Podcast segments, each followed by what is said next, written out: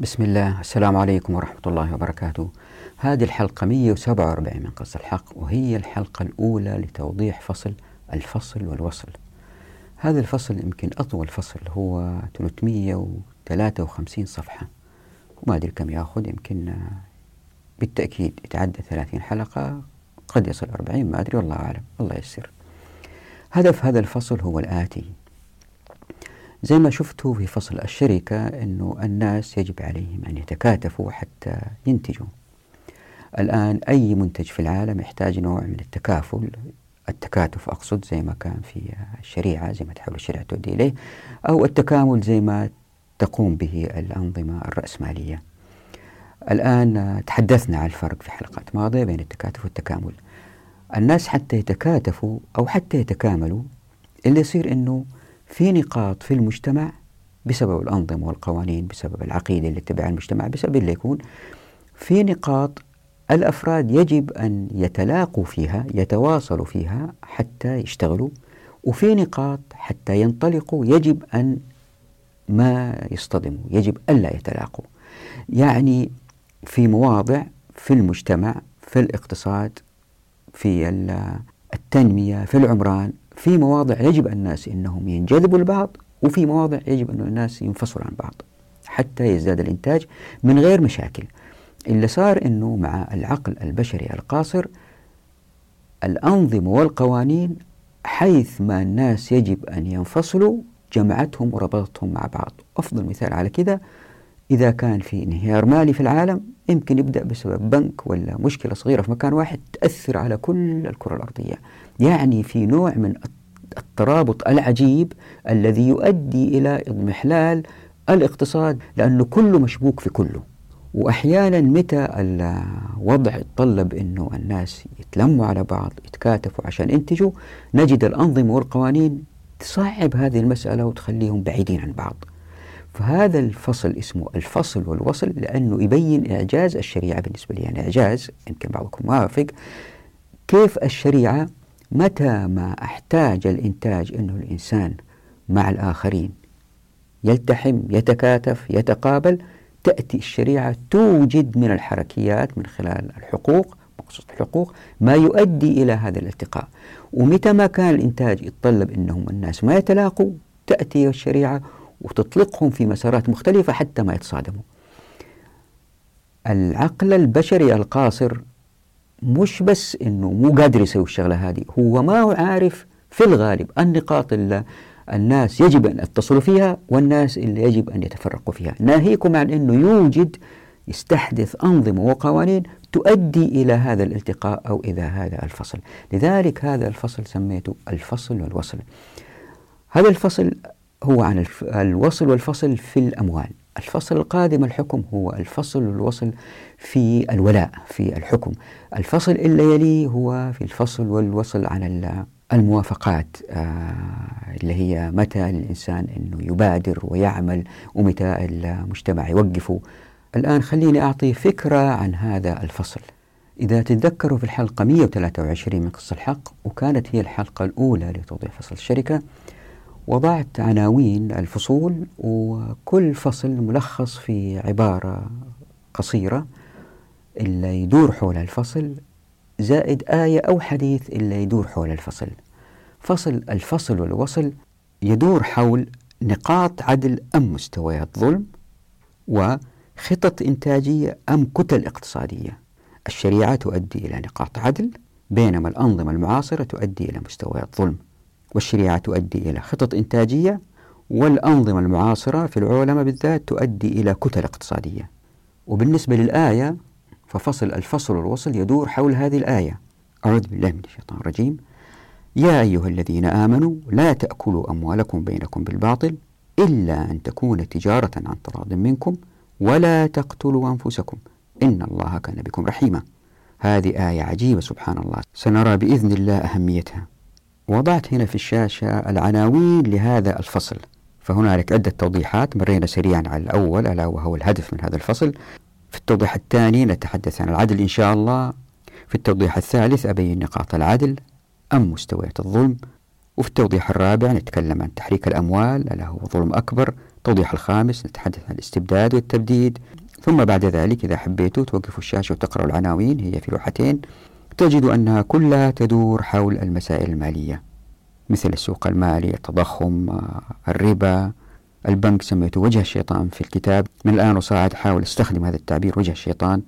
اختلاق الثروة اقتراض ثم استهلاك ثم إنتاج. انهيار البنوك انهيار الأسواق فريدريك هايك ميلتون فريدمان. نتحدث عن العملات نتحدث عن التوثيق المتبادل نتحدث عن الشريعة كيف تحرر الناس في التحرك للإنتاج. نتحدث بنوع من العمق في العولمة. نتحدث عن ربا الفضل. وأعتقد أنه هذا موضوع ما أخذ حقه من التوضيح في الأدبيات المعاصرة. هو حديث يصعب فهمه لذلك لابد أنه يأخذ حقه من التوضيح. نتحدث عن التنمية والزكاة. فياريتكم إذا حبيتوا توقفوا الشاشة وتقرأوا العناوين تعطيكم فكرة عن الفصل هو رايح فين. والآن لإعطاء فكرة سريعة جدا عن هذه الحلقة. نبدأ إن شاء الله بحديث حسن أخرجه الطبراني وحسن الألباني. وضعته هنا على الشاشة واللي بيبين فيه الرسول صلى الله عليه وسلم إنه رايحين يأتوا أقوام يقرأوا القرآن ويعلموه وهم وقود النار. والهدف من ذكر هذا الحديث في هذا الفصل في المقدمة هو شد انتباه الناس وبالذات الباحثين وعلماء الشريعة إلى أهمية الحقوق في تغيير الأمة. فإذا لم يعن الناس حقوقهم لن تتغير الأمة. وحتى أوضح هذه المسألة أضرب مثالين على ذل الأمة وضياع الأمة. وأنه ما في مخرج إلا بالرجوع إلى قال الله عز وجل وقال الرسول صلى الله عليه وسلم في كل المجالات ومنها الحقوق التي في مقصوصة الحقوق. بعد كده أتحدث عن العدل كمدخل لهذا الفصل الذي يتحدث عن العلاقات المالية فأبين أن العدل أحيانا في التاريخ مصدر السلطة والقوة فالقوي هو الذي يحدد ما هو العدل. لكن زي ما هو معروف هذا ليس بعدل. هنالك فلسفة طويلة عريضة بالذات في العالم الغربي تتحدث عن ماهية العدل وتبحث عنه. وفي الشريعة أيضا كثير من الفقهاء غطوا مسألة العدل من منظور شرعي. فأبين صعوبة رؤية الباحثين الغربيين للعدل كما يجب لأنهم هم داخل النظام الرأسمالي الديمقراطي. ونأخذ الباحث المشهور مايكل ساندل هو أستاذ في هارفارد كمثال. حتى أثبت ضياع العالم الغربي في مسألة العدل أوضح فكرة العدل الأصغر والعدل الأكبر أو العدل والعدل المطلق بالذات بربطها بالتنمية. فحاول أبحث عن مفهوم العدل. بعد كده أبين أن العدل يؤدي إلى ظهور بعض المصالح لبعض الأفراد وهذا يؤدي للمزيد من المنفعة وهذا يؤدي إلى التحزبات للوصول للمزيد من الحقوق ما يؤدي إلى ظهور مفاهيم للعدل تختلف عما يحاول الفلاسفة الوصول إليه. فأبين أن العدل فلسفيا بقي في إطاره النظري لكن الواقع العملي مع الديمقراطية أوجد العدل بمفهوم الأقوى. ذلك أن العدل يتأثر بالأنظمة والقوانين واللي تتذبذب بتغير الأحساب الحاكمة. فالعدل حتى يكون عدل يجب أن يكون ثابت وليس متغير. وأبين أنه هذا العدل غير موجود اللي يظن أنه هو موجود بسبب الأموال والصلاحيات التي عند الدولة. فطريقة توزيع الأموال للأموال اللي جمعتها الدولة من الضرائب يؤدي إلى اللا عدل بالضرورة مقارنة بمخصوص الحقوق اللي هي ثابتة باستمرار لأنها من الله سبحانه وتعالى. فأبين أنه حتى يظهر العدل في أي مجتمع لابد ألا يكون للدولة لا أموال ولا صلاحيات وهذا ما تفعل الشريعة. طبعا هذه جملة كبيرة وهي التي سيأتي توضيحها وإثباتها إن شاء الله بإذن الله. فأمر على مهام الخليفة في الإسلام سريعا. ليه؟ لأنه موضوع سيأتي تفصيله في فصل الحكم إن شاء الله بإذن الله. لكن شرحته هنا سريعا حتى أبين التضاد بينه وبين النظم الديمقراطية التي تؤدي إلى تغير وتذبذب الحقوق ما يؤدي إلى عدم ظهور العدل. فأكد على مسألة أن الخليفة ما يحكم الناس لكن هو يحكم بين الناس. وبين أن الخليفة ليست من حقوقه أن يدير شؤون الحياة. هو يمكن يحث الناس على حفر بئر يحث الناس على بناء مدارس لكن ليس له الحق في أخذ الضرائب من الناس للقيام بهذه الأعمال لأنه إن فعل ذلك فهو لم يحكم بالشريعة لأن الشريعة منعت المكوس. وبين أنه الحاكم وهذه بينتها في حلقات سابقة له أن يضع أي أنظمة وقوانين لكن يجب ألا يصطدم مع الشريعة. إذا أراد أن يضع أنظمة وقوانين لإدارة شؤون الحياة من غير الاصطدام مع الشريعة لن يجد لن يستطيع. لأن الشريعة من خلال مخصوص الحقوق مثل منع الضرر مثل إحياء الناس المعادن الأراضي مثل عدم تلقي الركبان مثل لا تبيع ما ليس عندك قفلت الأبواب اللي يمكن منها يجي حاكم ويضع أنظمة وقوانين. زي ما شفتوا في الحلقة الماضية وزي ما راح نشوفوا إن شاء الله في الحلقة القادمة. يعني الشريعة بفتح أبواب التمكين في الموارد والموافقات والمعرفة لن تؤدي إلى ظهور الظلم لأنه مصدر الظلم أغلق ألا وهو أن الدولة عندها أموال وعندها صلاحيات هذا المصدر أغلق. إذا سينتشر العدل لأنه لا يوجد ظلم. حتى أثبت هذه المسألة أمر على فكرة أنه العدل يعني عدم وجود ظلم في المجتمع.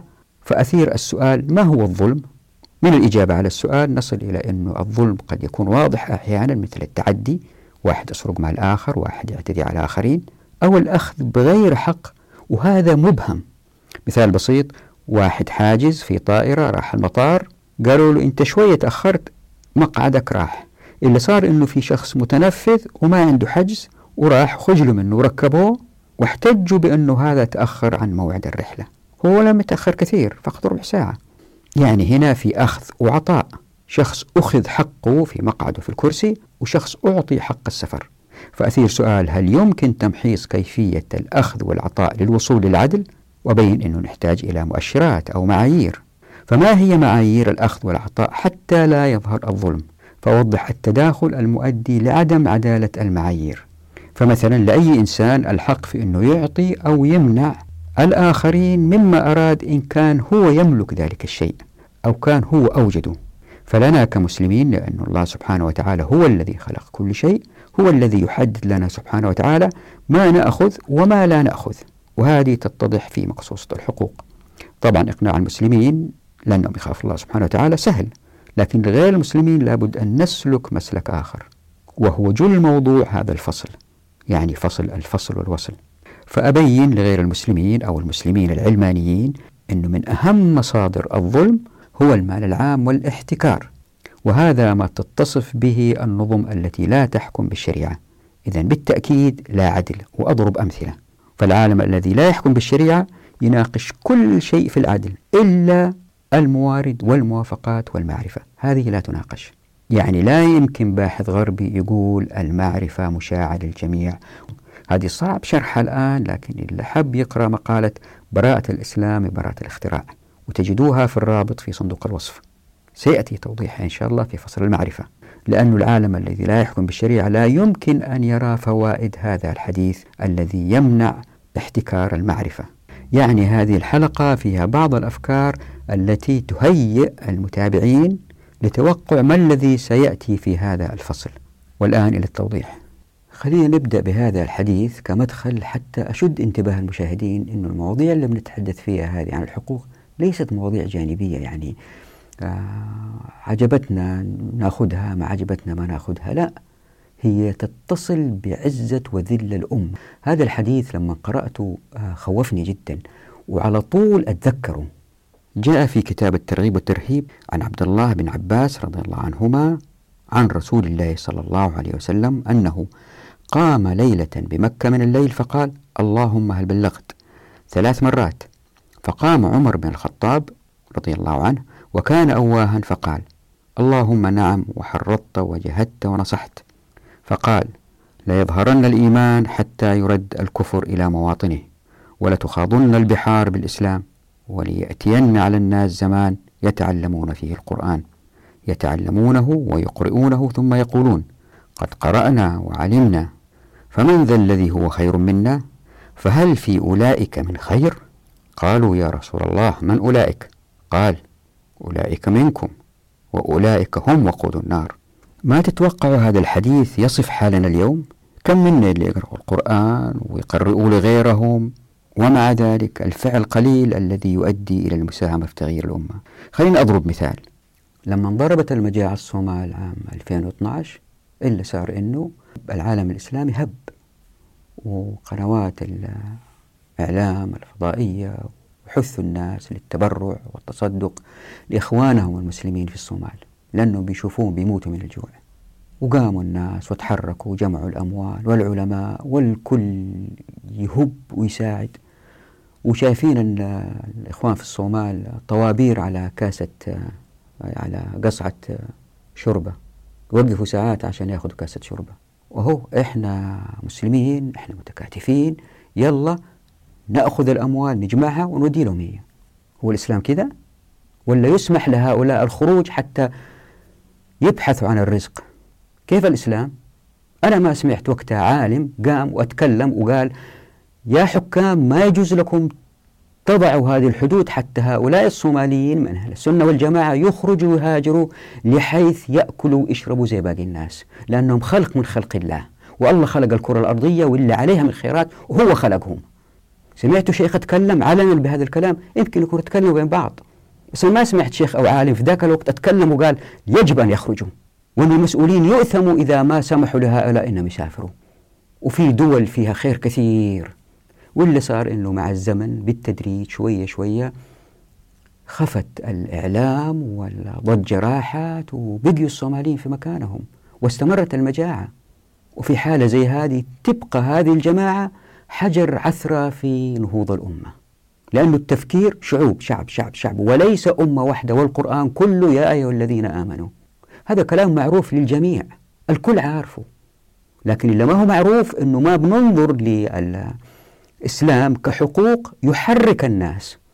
فالأمة نوعا ما غائبة عن هذه المسألة أن الإسلام هو أيضا حقوق وليس صلاة وصيام الصلاة والصيام مهمين جدا والعبادات مهمة جدا. لكن لا يعني التغافل عن هذه الحقوق. لكن لا يعني السكوت على هذه الحقوق وإبرازها بطريقة قوية بحيث أن الشعوب تفهم حقوقها. طالما أن الشعوب ما فهمت حقوقها الوضع لن يتغير. لذلك فصل الشركة كان بعنوان إن الله لا يغير ما بقوم حتى يغيروا ما بأنفسهم. أتذكروا اللي مر فينا في فصل ابن السبيل؟ فصل طويل تحدثنا فيه عن أحقية الناس في الحركة. يعني هؤلاء الذين يقرؤون القرآن الكريم فينهم من قوله صلى الله عليه وسلم البلاد بلاد الله والعباد عباد الله فحيثما أصبت خيرا فأقم. ألم يصدق الصادق الأمين صلوات ربي وسلامه عليه؟ أولئك هم وقود النار. وهنا وضعت في الشاشة أمثلة أخرى. وأنا أكتب هذا الفصل بدأت الثورة في سوريا ضد بشار الأسد. واللي صار أنه في المساجد بدأوا الناس يدعوا أنا ما أقول هذا الشيء يجب أن لا يكون. لا يجب أن يكون. لكن لا يكفي لتحريك الناس. بدأوا الناس في المساجد الأئمة يدعوا. وحطيت لكم هنا في الشاشة مثال من هذه الأدعية اللي هي كلها نوعا ما فيها نوع من التخدير للناس. المفروض يوضح للناس حقوقهم الذي يؤدي لتغيير الأمة الذي يؤدي لئلا يقع هذا الذل على المسلمين على يد هذا الطاغية. والمسألة هي ليست تعذيب شعب زي ما صار في العراق أو سوريا. والله يعلم باقي الدول إيش يصير فيها لأنه العالم الآخر لا يريد العالم الإسلامي أن ينهض أبدا. يجب أن يبقى في بهدلة باستمرار. لا هي المسألة أكبر من كده. الله سبحانه وتعالى أهدى البشرية الإسلام حتى المسلمين يقوموا بواجبهم في إيقاف البشرية من التلوث القادم. لأنه بالتعداد السكاني الحالي للكرة الأرضية وبالتقدم التقني الموجود وبالأهواء اللي هي بدأت تصير شرسة جدا ونزواتها ما لها حد. وما تفكر في الأجيال القادمة بالتأكيد الكرة الأرضية ستتلوث إن عاجلا أو آجلا. وهذه مهمتنا كمسلمين لإنقاذ البشرية من هذا التلوث القادم. فالشريعة أهميتها ليست للمسلمين فقط ولكن لغير المسلمين أيضا. طبعا إحنا ما نقدر نناقشهم نقول قال الله عز وجل وقال الرسول صلى الله عليه وسلم.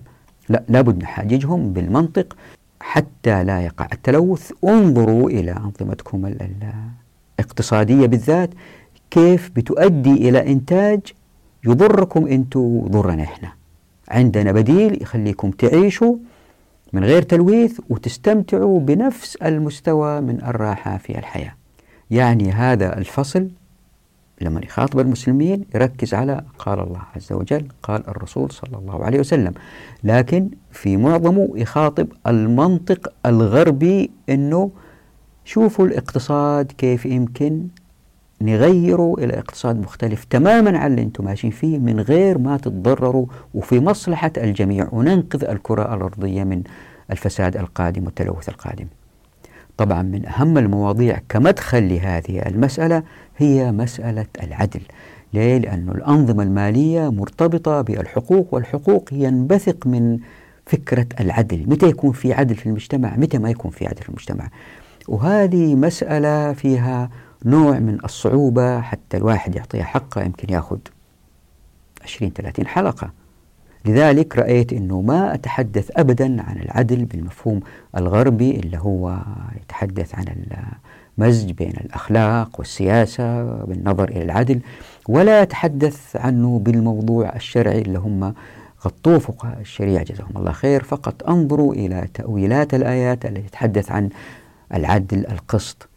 لا رأيت أنه حتى أختصر أني أركز على مسألة التمكين وإطلاق أيدي الناس والضرر والضرار وكيف أنه الاقتصاد ينمو من غير ما يلوث الكرة الأرضية من باب من زاوية البدء بالنظر في العدل. ليه؟ لأنه لما جيت أكتب هذا الفصل الواحد قد تكون في ذهنه فكرة واضحة بعد آه، فهم الشريعة. كيف يمكن تشتغل؟ يعني ما هي فتوى ما هي اجتهادات. لا كيف الشريعة تشتغل؟ إن طبقناها كما أنزلت على عهد الرسول صلى الله عليه وسلم من غير زيادة. فالواحد تكون الفكرة جاهزة في راسه لكن توصيلها للناس حتى يفهموها مشكلة أخرى. لذلك وجدت إشكالية في لذلك أخذت 353 صفحة حتى أفصص الموضوع بطريقة يمكن أنه يفهمها المسلم وغير المسلم. فوجدت أنه أفضل طريقة لبدء الموضوع بالنظر لمسألة العدل. الله سبحانه وتعالى حرم الظلم على نفسه وأوجد العدل. وغرز في الناس طبيعة هي كرههم للظلم.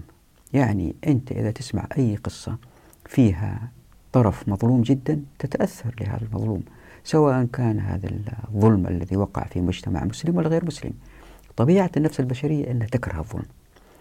لكن اللي صار مع المجتمعات التي تحكم بالعقل البشري القاصر أن الأهواء تغلب وعندما تغلب الأهواء الظالم أحيانا هو الذي يضع الأنظمة والقوانين التي تحدد ما هو عدل وما هو ظلم. وهذا مشاهد في التاريخ واضح جدا. انظر مثلا فلسطين الشعب اليهودي أتى أحت الأرض ووضع الأنظمة والقوانين اللي تطرد الناس من أراضيهم إلى عاشر جد وتقول هذا عدل. فالعدل مفهومه مرتبط جدا بالقوة. لذلك قيل إن درهم قوة خير من قنطار من الحقوق.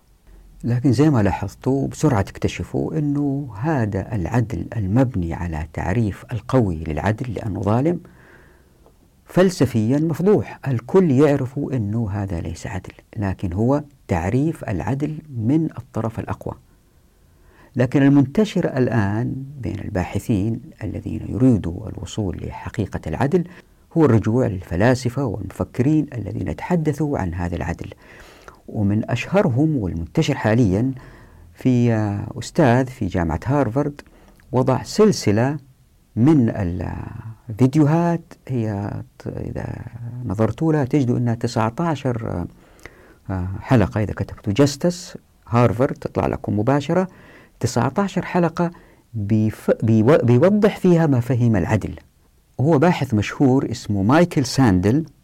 ويثير في فيديوهاته مسائل عن المساواة equality inequality عن التعبير عن الرأي free speech hate speech ويتحدث عن حقوق المثلين في الزواج. طبعا هو بيرجع لفلاسفة آخرين سبقوه وبيضرب أفكارهم في بعض ويناقش أفكارهم ويستنتج استنتاجات. فهو يبدأ بسقراط ويمر على جيرمي بنثم وهذا كان باحث في السياسة في القرن الثامن عشر وهو إنجليزي ويتحدث عن مفكر ألماني مشهور عندهم اسمه إيمانويل كانت. طبعا يمر على جون لوك وجون ستيوارت ميل وبيحاول بهذه الأفكار اللي يطرحها الوصول إلى ماهية العدل. طبعا اللي يشوف الفيديوهات يعني يتفاجأ لأنها صراحة فيديوهات. إذا الإنسان ما عنده إدراك بالتنمية والحقوق التي وضعتها الشريعة ينبهر جدا بالأفكار هذه الموجودة. فمثلا يبدأ الفيديو بالحديث عن سؤال للطلاب ويقول لهم والله مثلا واحد بيسوق عربته وفرامل سيارته خربت وقدامه في عمال خمسة عمال بيشتغلوا وبالتأكيد راح يصدمهم ويقتلهم. طيب وإذا كان خرج عن الطريق وفي واحد هل يقتل ذاك الواحد ولا يقتل خمسة؟ طبعا معظم الطلاب يقولوا لا اقتل الواحد ينقذ خمسة. بعدين يطور السؤال يقول طيب إذا كان آه، في واحد سمين وإذا دفيته أنا ويسكر الطريق وينقذ الخمسة. هل في هذا السمين وينقذ الخمسة ولا يبدأ يضع الناس في مواقف احتاروا ما هو العدل. فانبهروا المشاهدين واستمروا في كل الحلقات. لكن لاحظوا هو أستاذ في هارفارد وهارفرد جامعة في نظام رأسمالي يستقبل الطلاب إلا آبائهم يدعموا هارفرد ماليا. وإذا كانوا الطلاب هذول أقل حتى من المستوى في نسبة معينة تأخذها الجامعة وتدرسهم وهم لا يستحقوا القبول بناء على الجدارة الفكرية. هم يقبلوا بناء على دفع الأموال من أولياء الأمور لدعم الجامعة بالتالي يقبلوا. هذا لما يتخرج الآن ولأنه أبوه متمكن ماليا يوصلوا إلى سدة الحكم في واشنطن. ليه؟ لأنه زي ما هو معروف ما يصل لسدة الحكم في واشنطن إلا ناس أثرياء يقدروا من خلال الأموال يجمعوا الآخرين حولهم بالدعايات والإعلام. قصة أظن تحدثنا عنها سابقا وهي معروفة أنه حتى تصل تصير كونغرسمان نسيت المبلغ أو نسيت الرقم في رقم معين إذا ما هو عندك أنسى أنك تصير رجل ذو منصب في العاصمة. يعني هو يتحدث عن العدل في عقر دار جامعة تؤدي إلى اللا عدل بأن تجيب واحد ما يستحق أن يكون في سدة الحكم ويصل ويطلع إلى سدة الحكم. شفتوا العقل البشري كيف قاصر؟ هو بيجتهد وعالم كبير وباحث كبير لكن منظوره للعدل ينبثق من العقل البشري القاصر الذي لا يرى خارج الرأسمالية. صعب صعب جدا يروه خلينا نقول إنه في مجتمع جميع أفراده من الناس النزيهين النبلاء وحاكمهم أيضا يحكم بينهم بالعدل و هل نقول هذا المجتمع في عدل ولا ما في عدل؟ ولا ننظر لإطار آخر؟ مثلا آه، مجتمع يطبق الاشتراكية حسب فهمه لها بأدق التفاصيل. هل هذا المجتمع عادل؟ ماو تسي تونغ مثلا حاول يحكم بالعدل في مجتمعه. هل هو عادل ولا ما هو عادل جون إف كينيدي كان معروف عنه إنه رجل مستقيم ما يحابي ما ما يسرق غير مرتشي وكان المجتمع ديمقراطي والناس انتخبوه بالديمقراطية هل نقول هل نقول هذا المجتمع عادل ولا مجتمع غير عادل؟ لأنه العدل منتشر فيه في جميع أجزائه. هذا هو السؤال المهم. خلينا نبدأ بالسؤال الآتي، هل يمكن أن نقول في عدل وعدل مطلق؟ أو نقول في عدل أصغر وعدل أكبر وفي عدولات بينهم هل ممكن نقول هذا الكلام ولا لا؟ ليه؟ خلينا نضرب مثال. خلينا نقول إنه أنا شخص عندي مال وميسور وجاء واحد تاني سرق مني المال وأنا بعد كده قدرت أثبت أنه هذا لص وسرق مني المال ورحنا المحكمة والقاضي حكم بإرجاع المال لي أنا. الآن أي إنسان يقول والله هذا وضع عادل جدا لأن هذا القاضي ما تعرض لرشاوي ما تعرض لضغوط وقدر يرجع المال لصاحبه. لأنه يمكن اللي سرق المال يضغط على القاضي وحاول وما قدر. فنقول القاضي عادل. لكن السؤال هو الآتي هل مالي أنا حلال؟ يمكن مالي أنا أكون ورثته من أبويا. وأبويا بطريقة معينة قدر يحصل على حق الامتياز لاستخراج معدن معين أو لأخذ وكالة حصرية لنوع من المستوردات. وبهذا الاحتكار والدي صار ثري ورثني هذا المال. يعني أنا مالي أصلا إن طبقنا الشريعة حرام. ليه؟ لأني ورثت مال من أبي الذي كان يعمل في شيء أستأثر به بنفسه لأنه له علاقة مع الحاكم على حساب الفقراء الآخرين. يعني هذا القاضي حكم بالعدل في هذا الإطار الضيق لكن في الإطار الأكبر المسألة كلها ظلم في ظلم. خلينا نأخذ أمثلة. ريغن مثلا في فترته قال والله أبغى أحارب الاتحاد السوفيتي ما كانت روسيا كان الاتحاد السوفيتي وطلع برنامج حرب النجوم وهذا يكلف مبالغ باهظة. وفرضت الضرائب على الناس لتغطية هذه النفقات. هل يحق لفرد في الشعب الأمريكي أنه يعترض على الضرائب هذه ولا لا؟ مثال آخر خلينا نقول شخص يبغى يهد عقاره ويبني مكانه مكاتب حتى يأجرها. جاء المجلس البلدي قال له لا أنت مبناك تراثي ويجب أن نحافظ عليه لأنه هذا في مصلحة المدينة. طيب هو المبنى هذا إذا الناس بيزوروه إذا زوروه وسوى متحف ما يدخل له أي مبلغ مقارنة بإذا كان حول عقاره هذا إلى مكاتب أو مطاعم. هل هو الآن مظلوم ولا المجتمع على حق لأنه بيحافظ على هذا التراث؟ فين الحق؟ بالذات في مسائل الحفاظ على التراث. وهذه مسألة أنا مريت فيها أرسلت من جهة لعمل تقرير لمدينة في شمال المغرب وكان في هذه المدينة مجلس بلدي ومسؤولين منعوا السكان من الاستثمارات اللي هي ليست ثقافية. يعني الواحد يقدر يسوي آه، مطبعة واحد يسوي معهد لتعليم الفنون لكن ما يقدر يسوي مصنع لدباغة الجلود. فتفاجأت عندما قابلت الشباب أنه كثير منهم بيهاجروا من هذه المنطقة إلى مناطق أخرى وزادت نسبة الإناث في هذه المدينة. الآن أين العدل في هذه المسألة؟ واحد يبغى يفتح مصنع منع من قبل المسؤولين. ليه؟ لأنه مصنعه ليس من النشاطات التي تصب في زيادة الثقافة في المجتمع لأنهم أرادوا لمدينتهم أن تكون ثقافية. الواحد يحتار. طبعا هدف حلو أنه المدينة تكون ثقافية على مستوى أفريقيا وكانت الصحافة تكتب عن هذه المدينة في نفس الوقت آه سمعت أنه في لاعب كرة قدم مشهور حاول يفتح مصنع للجلود منعوه. فأين الحق في هذه الحالات؟ أقصد إذا كان ربطناها بالتنمية والتمكين من غير تلويث الكرة الأرضية. ولأنه الناس في العالم الغربي الرأسمالي يدركوا تماما أنه العدالة بمنظورها الذي يؤدي إلى إيجاد الحقوق يؤدي إلى الاستفادة من هذه الحقوق لمصلحة الناس اللي هم يبحثوا عن الحقوق ويدافعوا عن حقوقهم. فمثلا في المثال اللي ذكرته أنه الشخص يمنع من بناء داره إذا كان تحت مظلة التراث.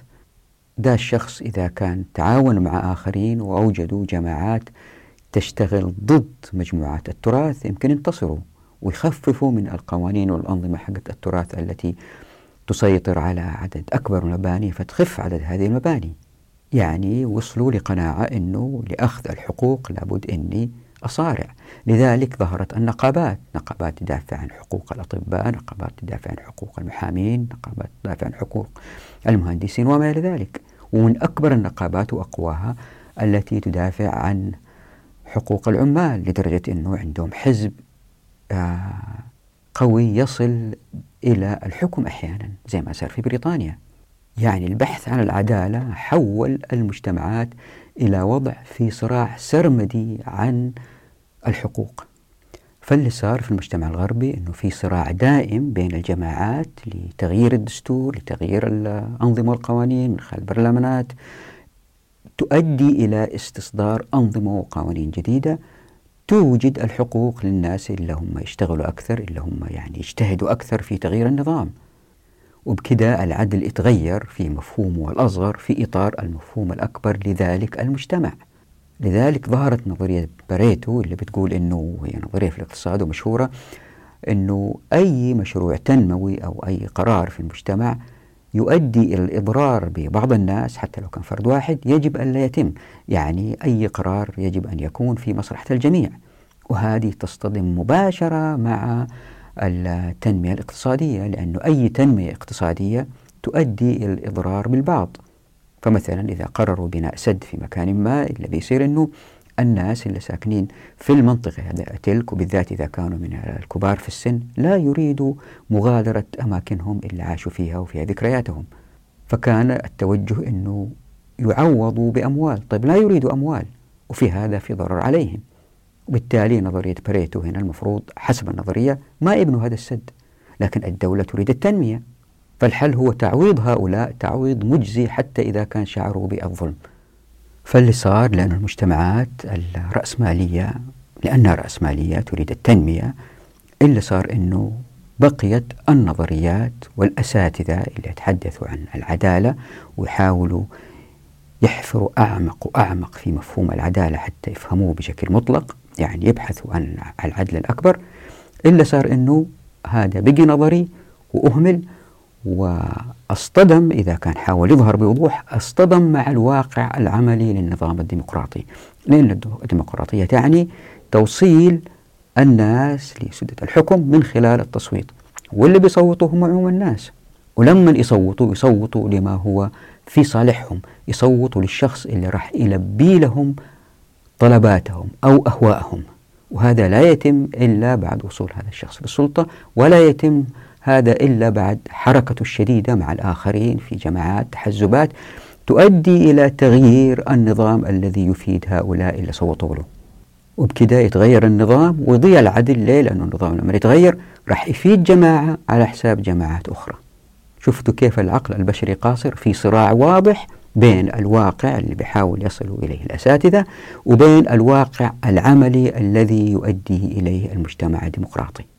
طيب السؤال هنا يظهر بالنسبة لهم ما هو الحل؟ ما في حل. الحل هو أنه يستمروا زي ما هم ماشيين وشايفين أنه المجتمع بيتحسن. صحيح بينحرف بيؤدي إلى التلوث يقول لا نقدر نحل مشكلة هذا التلوث. بيؤدي إلى ظهور الناس المعدمين يقولوا نقدر نأخذ ضرائب من الأثرياء ونعطيها الفقراء يعني الأمور ماشية. لكن هي ماشية جيل بعد جيل كل جيل بيلوث الكرة الأرضية أكثر.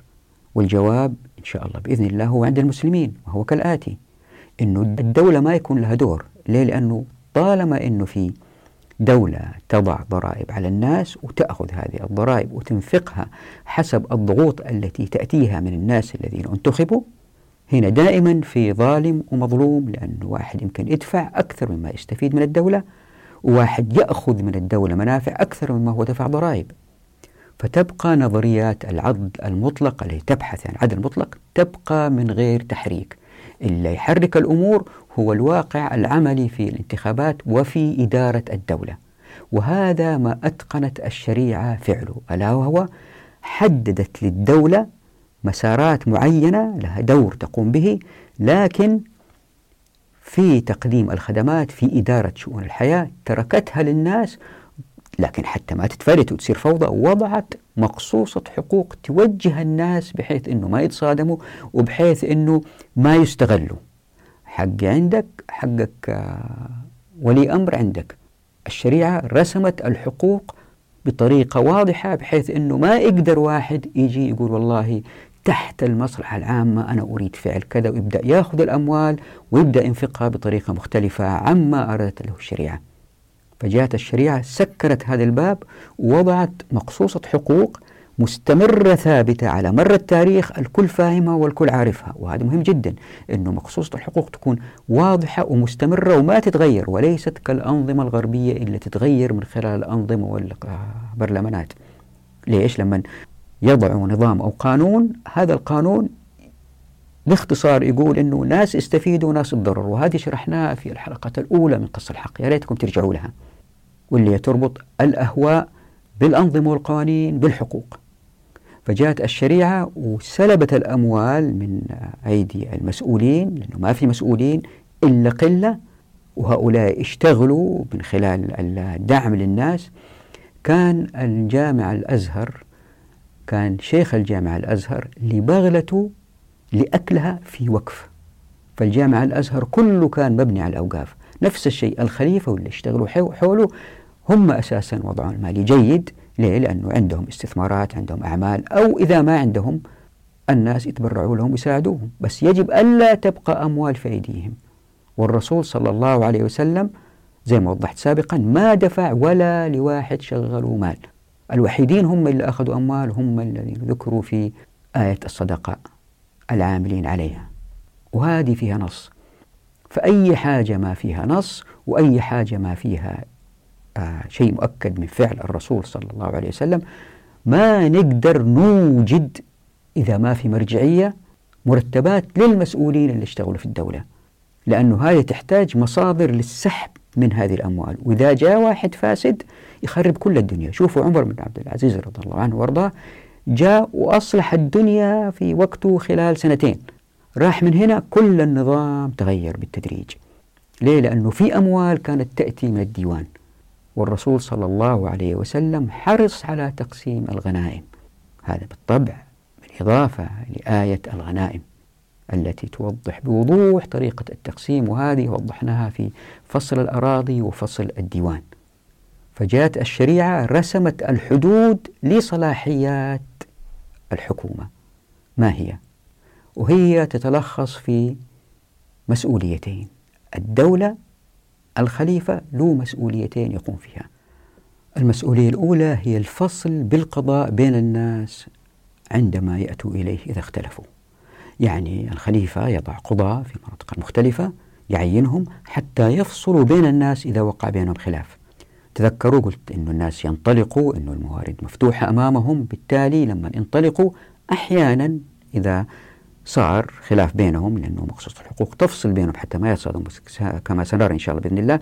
لكن إن وقع خلاف يذهب القضاء دور الخليفة هنا أو من يريب عنه في القضاء أنه يفصل بين الناس في هذه المسألة. وهذه واضحة في آيات تبين أنه دور الخليفة هو الفصل وليس الحكم على الناس بما يجب أن يفعلوه. هو يفصل بينهم إذا اختلفوا وجوا إليه. لكن ما يقول لهم أبنوا هنا مدرسة هنا لا تبنوا مدرسة سووا هنا سووا هنا. هو يحث هو يحث. لكن ما عنده الصلاحية أنه يأخذ ضرائب من الناس لإدارة شؤون الحياة مثلا بفتح مستشفيات فتح طرق فتح هذه كلها تأتي من الناس. أما كأوقاف زي ما وضحنا والأوقاف فيها إشكالية كما تحدثنا عنها أنه ما طبقت كما أتت بها الشريعة لذلك أحيانا تظهر بطريقة ليست جيدة أو أنها تأتي خدمة من شركات تبيعها للناس لأن الناس أثرياء. شوفوا الآيات إيش تقول. أعوذ بالله من الشيطان الرجيم. وهذه في سورة المائدة الآية. أعوذ بالله من الشيطان الرجيم وأن احكم بينهم بما أنزل الله ولا تتبع أهواءهم واحذرهم أن يفتنوك عن بعض ما أنزل الله إليك. فإن تولوا فاعلم أن ما يريد الله أن يصيبهم ببعض ذنوبهم وإن كثيرا من الناس لفاسقون.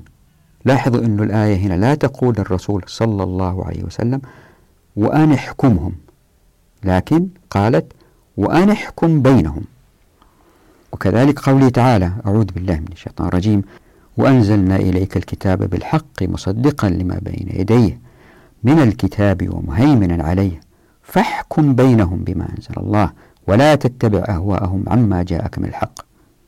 نلحظ أيضا في هذه الآية قوله تعالى فاحكم بينهم. وكذلك قوله تعالى أعوذ بالله من الشيطان الرجيم سماعون للكذب أكالون للسحت فإن جاءوك فاحكم بينهم أو اعرض عنهم وإن تعرض عنهم فلن يضروك شيئا وإن حكمت فاحكم بينهم بالقسط إن الله يحب المقسطين. شوفوا فاحكم بينهم مرتين في الآية. ولا مرة في الآيات في القرآن الكريم التي تتحدث عن الحكم تقول أحكمهم. وزي ما راح تشوفوا إن شاء الله بإذن الله في فصل الحكم نمر على الآيات هذه وآيات غيرها نأكد من خلالها أن الرسول صلى الله عليه وسلم أو من يقوم مقامه من الحكام ما يحكم الناس؟ هو يحكم بينهم وهذا فرق مهم بين أنه الخليفة يحكم الناس ولا يحكم بينهم لأنه إن حكم الناس وكان عادل يمكن يأتي بعده حاكم ما يكون عادل. وتشتغل الأهواء ونبدأ مرة ثانية أهواء حتى تتحقق تحتاج أنظمة وقوانين حتى تتحقق تحتاج المزيد من المال وتبدأ الضرائب تظهر وتستمر العملية من فساد إلى فساد. وجاءت الشريعة محقت المكوس وقالت ما في مكوس. لابد أن نربط بين الفصول المختلفة عشان نفهم المسألة. والمسؤولية الثانية للخليفة هي حث الناس على الجهاد تحريض الناس على الجهاد. الجهاد دائما يجب أن يكون في دم الأمة المسلمة. الشعوب التي لا توجد اتفاقيات مع الأمة المسلمة والتي تفكر في الاعتداء على الأمة المسلمة يجب ألا تنتظرها الأمة المسلمة. يجب أن تعد لها. وبالطبع إذا كان الأمة اعتدى عليها لابد زي ما هو معروف فرض عين الجهاد ولا أريد الدخول في التفاصيل هذه لها وقتها أنه الكل يهب وكل يتحرك. لكن في جميع الأحوال ليس للسلطان الحق لإجبار الناس للخروج للجهاد. هو يحث هو يحرض هذه وضحناها في فصل الديوان. ومن هذا الحث والتح والتحريض لأن الأمة متمكنة ماليا لأن أبواب التمكين مفتوحة في الموارد فقط المعرفة وهذا موضوع طويل لا أريد الدخول فيه من جهز غازين فغزة هذا فصل الديوان. إلا بيصير إنه فصل دولة الناس إلا بيصير إنه القلة التي تخرج من هؤلاء حث السلطان على الجهاد لكل أمة قلة تخرج يكفو زيادة. لأن العمل العسكري عبادة وليس وظيفة والأمة متمكنة ماليا وفي مصانع أسلحة كأوقاف في مصانع أسلحة كاستثمار يجون الناس يشتروا الأسلحة. موضوع طويل لا نريد الدخول فيه. فدور الخليفة هو الدفاع عن الأمة وجعلها دائما في موضع قوي عزيز لأنه الاقتصاد قوي عزيز دائما لأن الناس مفتوحة لهم أبواب التمكين في الموارد والموافقات والمعرفة. يعني باختصار الدولة ما تكون عندها أموال ومسؤولين يلعبوا في هذه الأموال. خلينا نقول إنه جاء حاكم رباني وحط حوله ناس أمناء أتقياء وما لعبوا في هذه الأموال. هل هذا خير؟ لا هو ليس خير. ليه؟ لأنه هو بذرة فساد. إحنا رضينا ببذرة فساد. هذا راح يموت ويجي بعده بعد جيلين ثلاثة من هو فاسد؟ وإذا في واحد في البطانة فاسد يفسد الباقين. لذلك الشريعة جذت هذه المسألة من جذورها. ليه؟ لأنه الأهواء زي ما وضحت في الحلقة الأولى الأهواء تنقلب إلى من خلال الأنظمة والقوانين إلى فساد. شوفوا الآيات إيش تقول. أعوذ بالله من الشيطان الرجيم. قل فأتوا بكتاب من عند الله هو أهدى منهما اتبعه إن كنتم صادقين. فإن لم يستجيبوا لك فاعلم أنما يتبعون أهواءهم. ومن أضل ممن اتبع هواه بغير هدى من الله إن الله لا يهدي القوم الظالمين. أدبر ترتيب الكلمات في الآية وهذه الآية في سورة القصص. يعني كل من أهدى منهما اتبع ويتبعون أهواءهم وأضل. ثم أخيرا القوم الظالمين. فالآية بتبين لنا أنه من لم يتبع هدى الله لابد وأن يتبع هواه. وبالتالي راح يضل وبعد كده لابد أن يظلم. عندها بالطبع سينتشر الفساد. لاحظوا عندما الشريعة لا تضع أموال في أيدي المسؤولين ولا يستطيع بالتالي وضع أنظمة وقوانين سواء بالتصويت من الناس أو من عقولهم أو من آراء مستشارين ودراسات وكل هذه تغير مقصود الحقوق. لاحظوا إن هذا لم يحدث لن يظهر الظلم. وعندما لا يظهر الظلم يعني في عدل. ويا ريتكم ترجعوا للفصول الأولى حتى تروا العلاقة بين الأهواء التي تؤدي بالتدريج من خلال المراحل إلى الظلم. ويمكن واحد يقول بس يا جميل أنت حددت دور الخليفة بهاتين المسألتين رفع راية الجهاد والحكم بين الناس. أقول نعم إذا كان نظرت إلى صحيح البخاري وشفت الأحاديث التي تدور حول ما على الخليفة فعله تجد أنها تدور حول هاتين الاثنتين. فالواحد يجد في صحيح البخاري عن دور الحاكم أحاديث تدور حول الزكاة المظالم القضاء والشهادات استتابة المرتدين الجهاد والسير فرض الخمس الجزية الموادعة المغازي الحدود المحاربة الديات الصلح الإكراه الأحكام الاعتصام. جميع هذه التي ذكرتها اللي هي في صحيح البخاري لا تدير شؤون الحياة للمجتمع. وبالتالي ما في ضرائب من الناس لتغطية هذه الخدمات. لذلك الرسول صلى الله عليه وسلم حرص على منع المكوس. وأكد عليها بحديث مرفينة وأكد عليها بفعله هو. لم يأخذ من الناس ضرائب غير الزكاة والزكاة مصاريفها معروفة زي ما وضحنا في فصل الأموال. يعني جاءت الشريعة جذت مصدر الظلم. وإذا ما في ظلم انتشر العدل. طيب يمكن يقول لي بس يمكن جماعة تشتغل وتصير ثرية باستخراج ذهب من مكان معين ويتمكنوا ماليا. أقول له هذا لن يقع. ليه؟ لأن الناس كلهم أيضا أقوياء. أنت بتفكر في وقت المال له سلطة ويقدر يرشي المسؤولين. أنت بتفكر في وقت أنه المال هو كل شيء. في ذلك الوقت إن طبقنا الشريعة ما في مسؤول واحد يرشيه بالمال. لأنه كل الناس شهود وكل الناس يعرفوا الحق من الباطل. لأنه مقصوص الحقوق مطبق والكل عارفها وأتربوا الناس عليها. فلن يظهر الظلم ليه؟ لأنه المال ليس وسيلة للاستبداد لكن هو وسيلة لعزة الأمة وللاكتفاء للناس. طبعا في أشياء أخرى لا أريد الدخول فيها الآن. المهم لن يظهر الظلم. وإذا ما في ظلم في عدل. ويمكن بعضكم تضايق من استخدام تعبير عدل أصغر عدل أكبر عدل مطلق. ليه؟ لأنه العدل حتى يكون عدل يجب أن يكون عدل في جميع المستويات. فإذا نظرنا مثلا للأنظمة والقوانين نجد أنها حزم هذه الأنظمة والقوانين. كل حزمة تشمل حزم أخرى وكل حزمة داخل حزم أخرى. هناك أنظمة قوانين بناء هناك أنظمة وقوانين استغلال الموارد كيف يستخرجوها هناك أنظمة وقوانين البنوك وما إلى ذلك. كل هذه الأنظمة والقوانين حزم داخلة وسط بعض وحدة فوق وحدة حتى للمجتمع أن يوصف أنه عادل يجب أن تكون جميع هذه الأنظمة والقوانين عادلة. لذلك أحتار العالم غير المسلم أو العالم اللي ما يطبق الشريعة وجريوا واجتهدوا في إيجاد مجتمعات عادلة. لذلك ظهرت النظريات الاشتراكية الرأسمالية والآن تظهر نظريات ثانية آه يمكن نخصص الحلقة إن شاء الله نشوف إذا في وقت. كلها تبحث عن مجتمع عادل لكن لم يصلوا. طيب ما هو الحل؟ للإجابة على السؤال خليني أحاول الطريقة الآتي زي ما هو معروف أنه العدل لا يمكن أن يوصف به مجتمع إذا كان في ظلم يعني لابد أن يكون المجتمع ما في ظلم طيب ما هو الظلم؟ الظلم زي ما هو معروف أنه واحد يعتدي على آخرين وما ينال عقابه أو واحد يمنع الآخرين من الحقوق التي هي حق لهم يمنعهم خلينا نعطي أمثلة زي ما هو واضح ومعروف إذا واحد قتل تاني إذا المجتمع ما يقيم عليه الحد هذا مجتمع آه غير عادل. نفس الشيء السرقة نفس الشيء. طب في أشياء ما ترى ومخفية. مثلا واحد يقول والله فلان قريبي مسؤول في وزارة التعليم العالي أريد الدخول للجامعة وهو يتوسط لي وولد فلان ما راح يدخل إذا أخذت أنا ذلك الكرسي لأنه في كرسي واحد مثلا أو كرسيين في التخصصات الدقيقة زي الطب مثلا.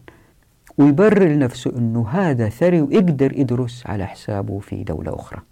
فأنا هنا مظلوم لأني أتولد في وضع مالي أقل إذا أقدر أستخدم الواسطة حتى أمنع هذا الشخص من الدراسة وأخذ كرسيه.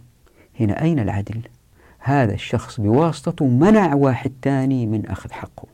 يعني هل نقدر نمحص مسألة الأخذ والعطاء؟ لأنه مسألة التعدي واضحة. لكن مسألة الأخذ والعطاء هل ممكن نمحصها حتى نعرف ما هو العدل؟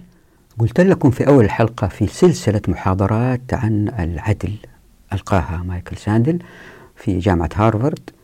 وتلاحظوا في أحد الحلقات هي سلسلة محاضرات متصلة وبعدها في سلسلة محاضرات أخرى عملوها مع البي بي سي في راد في راديو بي بي سي وأماكن أخرى مجموعة 19 تلاحظوا في أحد الحلقات وضعت رابطها في صندوق الوصف يناقشوا عملية العدل في توزيع الثروات ويبدأوا بالحديث عن التطبيب. هل يحق للمجتمع الأمريكي أنه يفرض ضرائب على الأثرياء حتى يعالجوا فيها الفقراء؟ هي بدأت كذا وبعدين أتحول النقاش إلى أنه هذا مجتمع متحرر وبالتالي الحرية مهمة فيه حسب الدستور الأمريكي وبالتالي ليش نفرض على الأثرياء اللي تعبوا واشتغلوا ضرائب يأخذوها حتى يساهموا في تدليل الفقراء اللي هم ما أشتغلوا كويس وجمعوا أموال. فينطلق النقاش ويستمر على أنه لا هؤلاء اللي ما عندهم أموال. ظروف المجتمع هي اللي خلتهم في وضع صعب جدا لأنه المجتمع كان غير عادل. فيستمر النقاش وضياع. يعني إذا واحد يفهم الشريعة يرى الضياع بوضوح. لكن إذا الواحد مو فاهم الشريعة ينبهر من مستوى النقاش. لأنهم يتناقشوا مثلا يقول والله الناس هؤلاء الأثرياء ساروا أثرياء لأنهم ناس جاتهم ظروف فيها حظ. مثلا يناقشوا مايكل جوردن هو لاعب كرة سلة مشهور وعنده أموال كثيرة. هو أتولد طويل. هذا حظ. بينما واحد ثاني أتولد في المجتمع قصير ولا يستطيع أن يلعب كرة سلة. في نفس الوقت المجتمع يقفل أمامه الأبواب بحيث أنه يمكن يصير مخترع كبير لأنه أتولد في أسرة فقيرة. بينما ولد الثري يمكن يشتغل يدرس في أفضل الجامعات وبالتالي عنده رأس مال يقدر يبنى يبدأ شركة. إذا تشوفوا تاريخ بيل جيت هو شخص ذكي لكن ظروف المحيطة فيه كيف أهله ساعدوه لإيجاد الشركة وكيف انطلق ظروف كلها تساعده على الانطلاق ليست متوفرة لآخرين. فيدور النقاش أنه لا الشركات هذه زي ستيف جوبز أوجد لنا أجهزة أبل اللي هي تعطي المجتمع أكثر بكثير مما تأخذ. فكيف نعاقبه أيضا بدفع ضرائب مرتفعة؟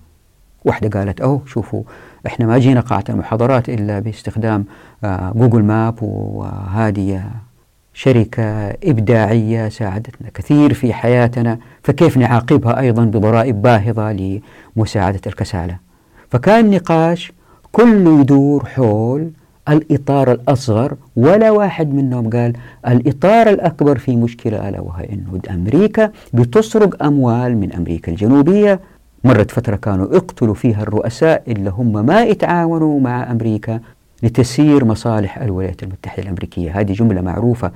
American Vital Interest. أي واحد يقف أمامها أو مصالح أمريكا الحيوية أي واحد يقف أمامها كما كان الحال في أمريكا الجنوبية يتخلص منه. هذه المسألة لا تناقش. هذا الإطار الأكبر لا يناقش أبدا. هذا بالإضافة إلى الحلقة تناقش الوفورات أو الأشياء اللي يقدمها المجتمع مثل الطرق مثل الحدائق. الأثرياء بيستفيدوا منها أيضا زيهم زي الفقراء. لماذا يدفعوا مبالغ أكثر؟ فلا شاهد كل السلسلة وأنا شاهدتها مرتين لأنها سلسلة مهمة في عصب موضوع قص الحق. يلاحظ الضلال اللي هم فيه ليه؟ عشان سؤال واحد. ما هو؟ الإجابة باختصار هو يجب أن تكون هنالك معايير للأخذ والعطاء. تذكروا قلنا أنه يجب أن لا يثار ظلم والظلم نوعين شيء واضح اعتداء وشيء أخذ من غير حق. الآن من الذي يحدد هذه المعايير؟ كيف نأخذ وكيف نعطي؟ لأنه في المجتمعات اللي صاير عندهم في الغرب أنه السؤال دائما هذا من حقي ولا من حقي؟ مثلا في وهذا ناقش الأستاذ هذا لما كنت أدرس في أمريكا في الثمانينات كان في قانون اسمه affirmative action ألا وهو أنه لأن المجتمع الأمريكي كان ظالم للأقليات زي أصلهم من أفريقيا مثلا أو من أمريكا الجنوبية كان المجتمع ظالم جدا ضدهم. فظهرت طبقات فقيرة أبناء هؤلاء الطبقات الفقيرة يمكن يكونوا على المجتمع إذا يجب أن ندرسهم. فهم ليسوا محظوظين في دخول الجامعات. فوضعوا نظام أنه كل جامعة تأخذ نسبة معينة من الطلاب الملونين اللي ما هم بيض فظهرت هنا إشكالية لأنه وقتها أتذكر في واحد رفع قضية على جامعة أنه الجامعة هذه فرقت عنصريا ضده ليه؟ لأنه هو أبيض وهو شاطر في آخرين أقل منه في العلامات وقبلوا في الجامعة ليه؟ لأنهم لهم كراسي محجوزة لأنهم ما هم بيض فقال هذا ظلم وقع علي أنا بسبب الظلم الذي ارتكبه البيض في السابق. طب أنا إيش ذنبي أدفع هذه الضريبة لجريمة وقعت في الماضي؟ ودخلوا في دوامة طويلة عريضة. ليه؟ لأنه النظام كله شابك في بعض. ما هو مفصول لأنه هذه الجامعة تأخذ أموال من الدولة لإعانتها في التدريس والأموال تأتي من دافعي الضرائب ودافعي الضرائب حتى يشاركوا في النقاش يبدوا آرائهم وكان حوار ساخن ما هم عارفين فين الحق. وكل واحد كنت أناقشه له وجهة نظر مختلفة بناء على أهواءه أو بناء على تجربته في الحياة هو كيف عاش هو كيف قاسها وكانوا في الغالب في الغالب مقسومين. الأقليات يروا أنه لا إحنا مظلومين إذا يجب أبنائنا يتعلموا مثل البيض والبيض يروا لا طيب أجدادنا غلطوا إحنا ما لنا ذنب. في هذه الحالة ما في معيار أو مؤشر يقيس الأخذ والعطاء. بالنسبة لنا كمسلمين الجواب هو كالآتي. الله سبحانه وتعالى خلق هذه الأشياء كلها لأن كل شيء يأتي في الأصل من الطبيعة إلا بنأخذ منها الخيرات ونصنعها وننتج ونعيش ونأكل ونشرب. إذا هو الذي يضع سبحانه وتعالى عالم الغيب. هذه المعايير. ألا وهي حقوق الأفراد في المجتمع ألا وهي مقصوصة الحقوق. هذا بالنسبة لنا كمسلمين. طيب بالنسبة لغير المسلمين كيف نقنعهم؟ بالنسبة لغير المسلمين والمسلمين العلمانيين خلينا نحاول الطريق هذا. صعب يقتنعوا لكن واحد يحاول هو بالمنطق. معظم الإشكاليات التي تمس مسألة العدل والحقوق تتمحور في نقطتين أو مسألتين. المسألة الأولى هي المال العام أو المال المشترك. المسألة الثانية هي الاحتكار. المال العام أو المشترك هو زي المثال اللي ذكرته سابقا أنه في مال جمع من الضرائب من الناس وسينفق في المرافق ومنها مثلا التعليم. مين يسبق ويأخذ منه؟ لأنه هذا مال مشترك. لأنه زي ما قلت مرارا إذا كان طبقنا الشريعة يمكن التعليم يكون في مدارس خاصة. إذا أنا عندي كلية عمارة وتخطيط أو جدة مع زملائي هذه مدرسة خاصة لنا هذا حقنا. ندخل إلا نبغى وما ندخل إلا نبغى.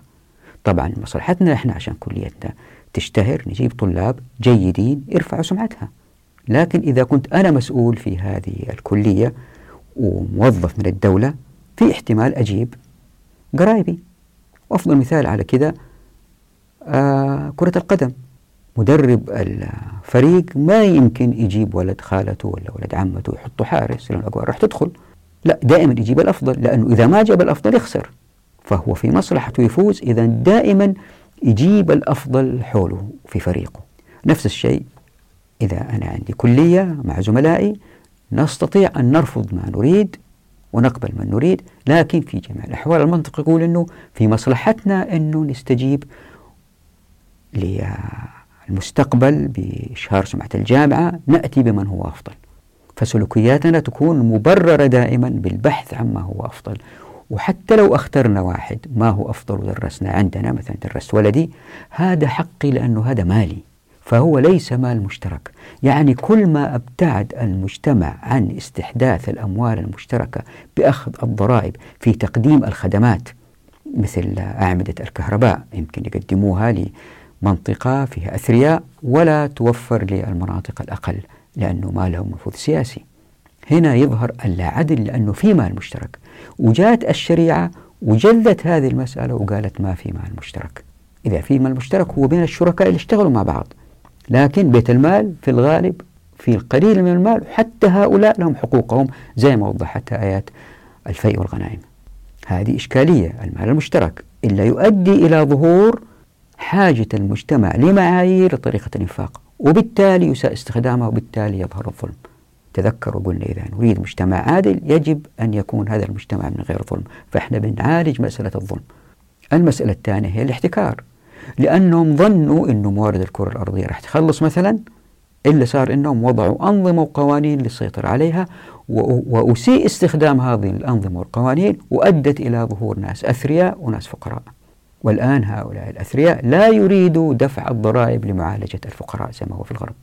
طبعا في بعض الأثرياء جيدين ينفقوا لأنه يريدوا ويعتقدوا أن المجتمع كله كمجتمع واحد أمة واحدة بالنسبة لهم أنه يجب أن لا يبقى فقير لأن وجود هذا الفقير يؤثر على الكل بسوء أخلاقه فيريدوا الفضيلة للمجتمع. طبعا فضيلة بوجهة نظرهم يعني معليش. مجتمع ما يسرق ما يكذب ما يخون. آه لكن في زنا وفي سكر يعني هذا هذه وجهة نظرهم يعني فاللي صار إنهم وقعوا في خديعة انه الموارد يمكن تنتهي وقننوها وصار تلاعب في هذا القانون وظهر الظلم. مثال آخر إنه إذا واحد يبغى يسوي مصنع بالتأكيد مصنعه راح يلوث إذا ما سيطرنا عليه، إذا إحنا كدولة نسيطر عليه وبالتالي نضع له الأنظمة والقوانين، ويتم التلاعب في الأنظمة والقوانين لأن الحقوق سحبت من الناس اللي في الموقع. لهم الحق يعترضوا لهم الحق في إنهم يرفعوا قضايا على هذا المصنع وإذا كانت الدولة عادلة ينتصروا إذا كان لا ما ينتصروا لكن في الشريعة لا يمكن صاحب المصنع يخاطر ويبني مصنع يلوث لأنه رأس المال جبان لأنه يعرف أن السكان أقوياء وراح يوقفوا إذا كان لوث البيئة السكان من حوله قصدي. فنقول لكل واحد غير مسلم إذا أنت خلقت الطبيعة هذه والموارد اللي فيها هي لك لكن إذا ما خلقتها وأثبتنا لك أنه ما راح تخلص إذا كان الناس أخذوها لأنهم لن ينجلدوا ويشتغلوا ساعات طويلة وبالتالي لن تنتج المصانع بكميات كبيرة وبالتالي لن تنضب الموارد فلا تسيطر عليها وخلي الناس يأخذوها. وبكذا بمثل هذه الحوارات واحد يقدر يقنعهم وموضوع هذا الفصل هو الأموال واللي أبين لكم فيه كيف أنه هذه العقلية التي تريد تنظيم المجتمع بأنظمة عقل بشري قاصر أدت إلى نتائج عكسية في الأسواق المالية وفي التقدم الصناعي بسبب آه تقييد النظم المالية. طبعا الواحد الآن يعتقد أنه لا الناس عندهم في العالم الغربي يستثمروا الأموال يضعوها في البنوك ويجي البنك يجمعها على بعض ويقرضها الآخرين مجتهدين ويوجدوا هؤلاء المصانع. وبالتالي ينطلق التصنيع. لا رح تشوفوا إن شاء الله الإسلام يسوي أحسن من كذا. وأنه هذا ظلم لأنه بتقع الأموال في أيدي ناس يمكن بيسيئوا استخدامها. وتأتي البنوك طالبهم وتجري وراهم بس لأنه في ثراء كبير بسبب التقدم التقني.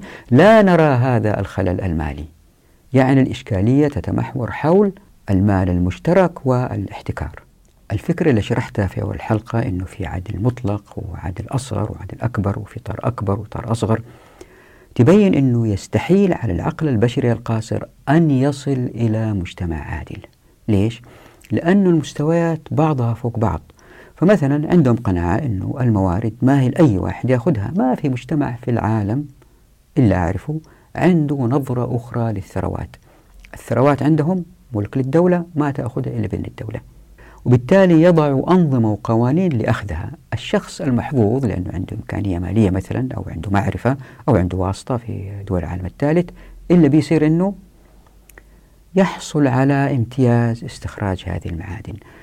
بعد جيل واحد أبنائه يكونوا في وضع أفضل جدا للدخول في مجالات أخرى تجارية أو للتعلم في جامعات أفضل وبالتالي يكونوا محظوظين أكثر وبالتالي يزيد مالهم. المال زي ما قلت في الحلقات الأولى هو حقوق في النظام الرأسمالي. كل ما زاد مالك كل ما زادت حقوقك. ليه؟ لأنه بالمال تقدر تجيب محامين أفضل يدافعوا عن حقوقك. فالمال والسلطة لا يمكن فصلهم في النظام الرأسمالي. وبالتالي حاول المجتمع أنه يوجد عدل في هذا المستوى. ليه؟ لأنه شاف الموارد يمكن تنضب وقليلة بالذات إذا المعدن نادر فوضع أنظمة وقوانين للسيطرة عليها. هذا التنفيذ الأنظمة والقوانين حتى لو كان عادل والشخص الذي استطاع أن يأخذ حق الامتياز كان رجل نزيه وأخذها من غير واسطة إمكانياته المالية اللي ورثها في النظام الرأسمالي أدت إلى تمكنه.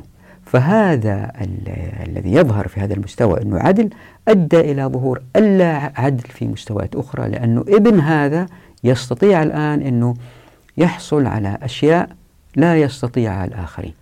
ففي هذه الحالة التي ذكرتها اللي هي حق الامتياز للمعادن محاولة تحقيق العدل في مستوى معين أدى إلى ظهور الظلم في مستوى آخر.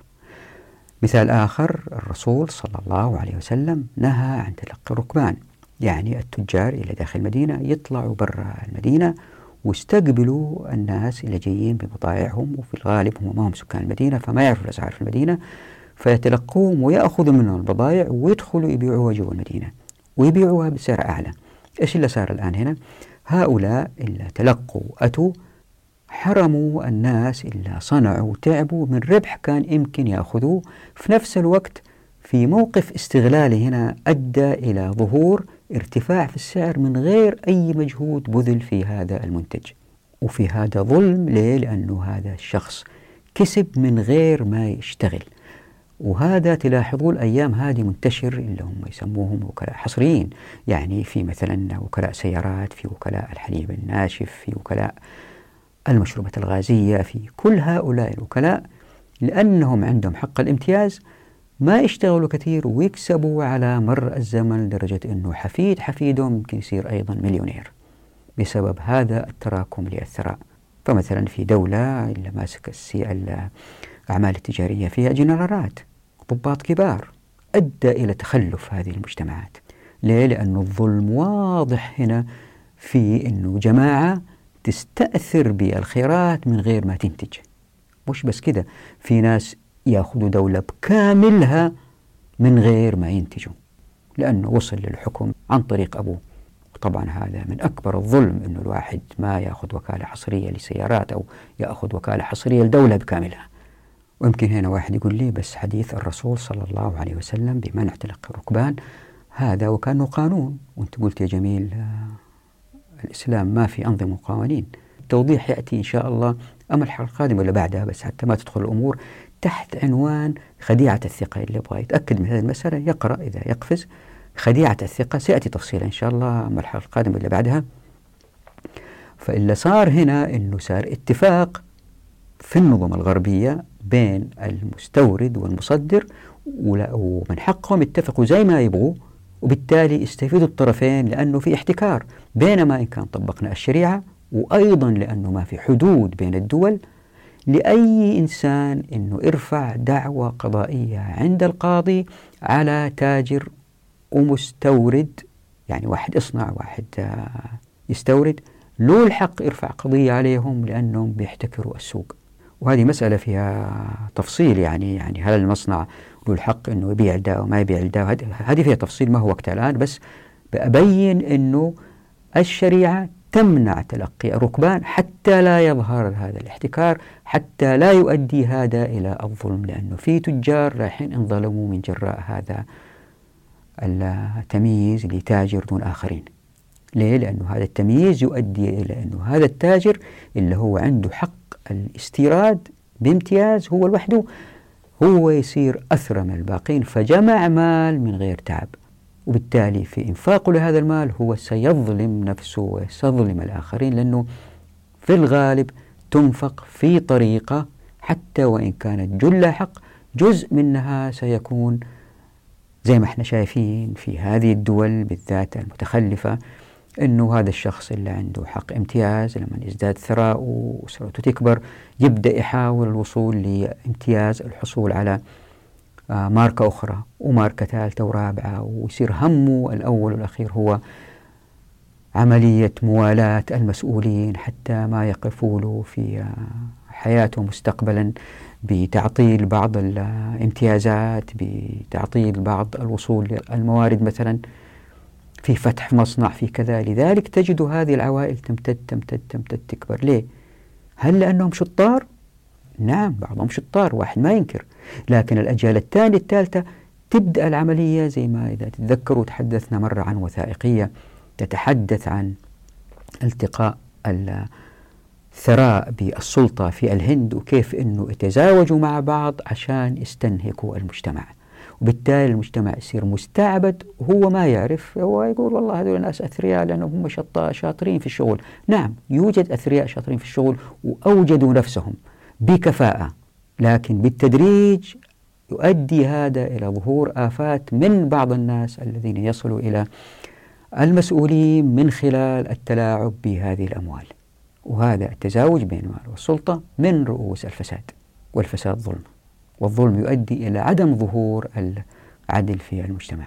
وهنا مسألة توضيحية أحب أذكر فيها أنه أحيانا يسأل فهم أنه الشريعة لا تريد الأفراد أن يكونوا أثرياء. لا الشريعة تفتح لهم الطريق حتى يكونوا أثرياء لكن لا يكون الثراء هذا على حساب الاحتكار. مثلا المثال اللي أعطيته سابقا أنه الشخص هذا اللي له حق الامتياز بالأموال الفائضة عنده يبدأ يشتري بعض المسؤولين. إذا ما في أنظمة وقوانين وما في مسؤولين إلا بيصير أنه ما في أحد يقدر يشتريه فهو بيتوسع وبيزداد ثراء بالقدر الذي هو حق. ليه؟ لأنه بيكسب بعرق جبينه. وإذا بيشتري أفراد آخرين هو بيستأجر ناس يشتغلوا عنده كموظفين. أبواب التمكين مفتوحة في الموارد والموافقات والمعرفة إلا بيصير دائما أنه إيش؟ الأيدي العاطلة أقل فيكون أجرهم مرتفع. طيب واحد يقول لي بس إيش المشكلة؟ أنه اثنين اتفقوا مع بعض هذه في مصلحة التاجر والمصنع لأنه المصنع بيتعامل مع وكيل واحد فهو ارتاح لأنه خطوط مراسلات خطوط توصيل البضائع واضحة محفورة عبر الزمن الكل فاهمها فما في مشاكل مستمرة مع تجار جدد. هذا في مصلحة المصنع وفي مصلحة أيضا المستورد اللي عنده قنوات بتدفق منها البضائع اللي بيجي من الخارج إلى التجار المحليين ففي استتباب في استقرار. الجواب هو كالآتي أنه زي ما وضحت ثراء هذا الشخص الفاحش الذي يؤدي إلى ظهور اللاعدل سيتحقق من خلال منع الرسول صلى الله عليه وسلم لتلقي الركبان. ليه؟ لأنه إلا بيصير أنه الكل بيساهم في البيع والشراء وحال الآخرين لأنه ما في فقر. وبتحسن حالهم بيدرسوا أولادهم أفضل بيدخلوا مستشفيات أفضل. المجتمع يسمو لأنه كل أفراده بدأوا يتعلموا أفضل بدأوا يستصحوا أفضل بدأوا ينتجوا أكثر لأن الموارد ما تنتهي.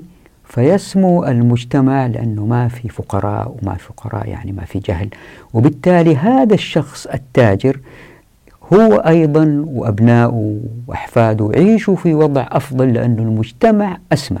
يعني بدل ما يفكر في الخزنة تتسرق ولا ما يتسرق لأنه في فقراء وهو ثري يعيش حياة أريح بكثير فيها أمن مستتب ومستقر. فالمسألة ليست آه شرائح نأخذها لا المسألة كلها على بعض لازم ننظر لها مع بعض.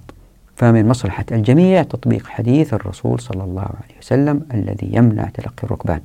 وهذه مسألة واحدة وزي ما راح تشوفوا في أحاديث كثيرة في هذا الفصل تؤدي إلى الاستقرار المالي الذي يؤدي إلى عدم ظهور الظلم فاللي أحاول أثبته إن شاء الله في هذا الفصل اللي هو فصل الفصل الوصل والفصل القادم اللي هو فصل الحكم أنه تجمع الأموال والصلاحيات السلطات عند الدولة يؤدي إلى الظلم ليه؟ لأنه بعض الأفراد بالتأكيد سيكونوا فاسدين يعني الموظفين في الدولة بعضهم يكون فاسد.